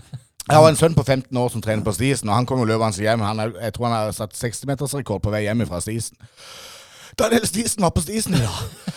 Jeg så Daniel Stisen på Stisen i dag! Og det, Det er det er som, som jeg la merke til. Altså her nede altså De som er kjent, det, det blir jo det er jo som prater som, som før. ikke sant? Men de spør jo åssen det går. alt det der. Men de som er yngre, som er så unge som jeg aner ikke hvem er hver, altså Stort sett når jeg går gjennom byen, eller noe sånt, så ser de snur seg, og så noen peker eller noen bare Ja. sånn. Så jeg skjønner jo det at det er mange som har fått med seg dette her, her nede. Men det er ikke bare her. For det samme er i London. Altså, under denne releasen så er det sånn, sånn Jeg skulle inn på en frisørsalong, og så kommer ei, ei iransk eldre kvinne og sier ja, du, jeg må ta bilde med deg, for min sønn han er stor fan av filmen din. Og jeg husker jeg en gang jeg skulle inn på Domino og kjøpe pizza, eller jeg hadde bestilt, og da kommer de bare leverer det. Jeg har ikke sagt navnet mitt engang. Altså. De visste hvem skulle ha. Ja. Og når jeg går, skulle inn på, på Tesco, som er matvare, så har de jo sikkerhetsvakter der. Ja. Og han ene Oh, the new Rambo is here. The new Rambo. Men stiller du opp på selfie og sånn, eller er du sånn at, Ja, jeg, jeg liker ikke å gjøre så veldig mye, men jeg gjør det. ja. Og det samme, så, så det var litt sånne ting, så det merker man jo. Og, og en annen ting som jeg la merke til, jeg var og spiste på en restaurant. Um, og da var det eh, en restaurant til en jeg kjenner, og da var, var det en, U- UF var sammen med Live Aid og en del av disse Chelsea-spillerne. Ja. Og de har også fått med seg dette her. ja. For det var med en gang. Ja, jeg skal lage mer film. Ja. Så det har, det, dette har vært overalt. Til og med når jeg var i Frankrike, så ble jeg spurt om disse tingene. Så Det er jo veldig kult. Gunnar altså. men som de sa, Ja. skal du lage mer film? Det kan vi òg spørre om. ja, Du skal lage mer film. ja, jeg skal lage mer film. Vi trenger ikke gå i dybden på det, for nå ser jeg at vi begynner å nærme oss eh, slutten på minnekortet her. Men eh, eh, fremtida, det, det er film det handler om nå. Ja, altså, jeg lagde en, en britisk-amerikansk actionfilm rett før jul. Så kommer ut nå i, i august-september i gang. Jeg vet Ja. ikke når han kommer ut i Norge, fordi det vet jeg ikke, men jeg vet når han kommer ut i Amerika. Og navnet på den? Kan du Eh, røpe det? Eh, per dags dato er det reassigned. Men jeg vet at distributøren har sagt at de skal endre tittelen, så blir det en annen Ja. tittel. Ja. Men det handler egentlig om en um, Altså det er en sånn litt comic book action, hit, Hitman-style. Så spiller Hitman som er Som er, må inn på en sånn Hitman-facility hvor man eh, fornyer identiteten sin. Ja. Hitman, det er sånn skarpskytter, eh, leiemorder. Leiemorder, ja. Så, så litt det der John Wick-style, som eh, du ser John Wick. Så tenk hotellet i John Wick. Ja. Så det er konseptet. Og så når jeg er der, så klart, så skjer det et eller annet, og så må han ta et valg. Og så plutselig har du alle andre hitmennene inne i denne facilityen som skal drepe en person, og han velger å stå opp med denne personen. Så kan du tenke hva resten av filmen er. Da er det slakting. Du, vi ser fram til dette her, Jon Erik. Og, og, så, og så drar jeg om en seks uker til, eller noe sånt, så drar jeg av sted og filmer igjen. Ja. Ja. På, på et nytt prosjekt. nytt prosjekt, og har signa har signa nå med et amerikansk selskap, en five picture deal. Så med de skal jeg gjøre fem actionfilmer. Og det vi kan være helt sikre på, at Daniel Stisen han gir seg aldri før han er på topp. Nei, så snart eh, så sitter Stallone og Arnold og spiser frokost, og så sier, Og så Ar de så sier Arnold. Til Stallone du, snu deg. Han sitter Men, bak men, der. jeg skal The si, new Rambo. men jeg skal si det en ting, og dette har var sikre kilder, men eh, Stallone har sett Last Man Down, det vet jeg. Ja. Det er jo litt kult. Det er jo Det veldig er jo kult. litt gøy, da. Det er veldig kult. Ja. Eh, vi kan ikke si det samme om eh, vår eh, podkast. Vi, vi kan ikke name-droppe Kong Harald har ikke hørt på podkasten vår ennå. Men, men jeg, så, jeg sier som Jon Erik at det er jo bare tidsspørsmål. Altså, du er jo så skarp i skallen, så, eh, så du har jo så vinnerskalle at second place is first loser for Daniel Stisen. Så denne reisen stopper jo ikke her, selv om det har vært suksess i Last Man Down. Altså, jeg setter alltid store mål, men så klart at um,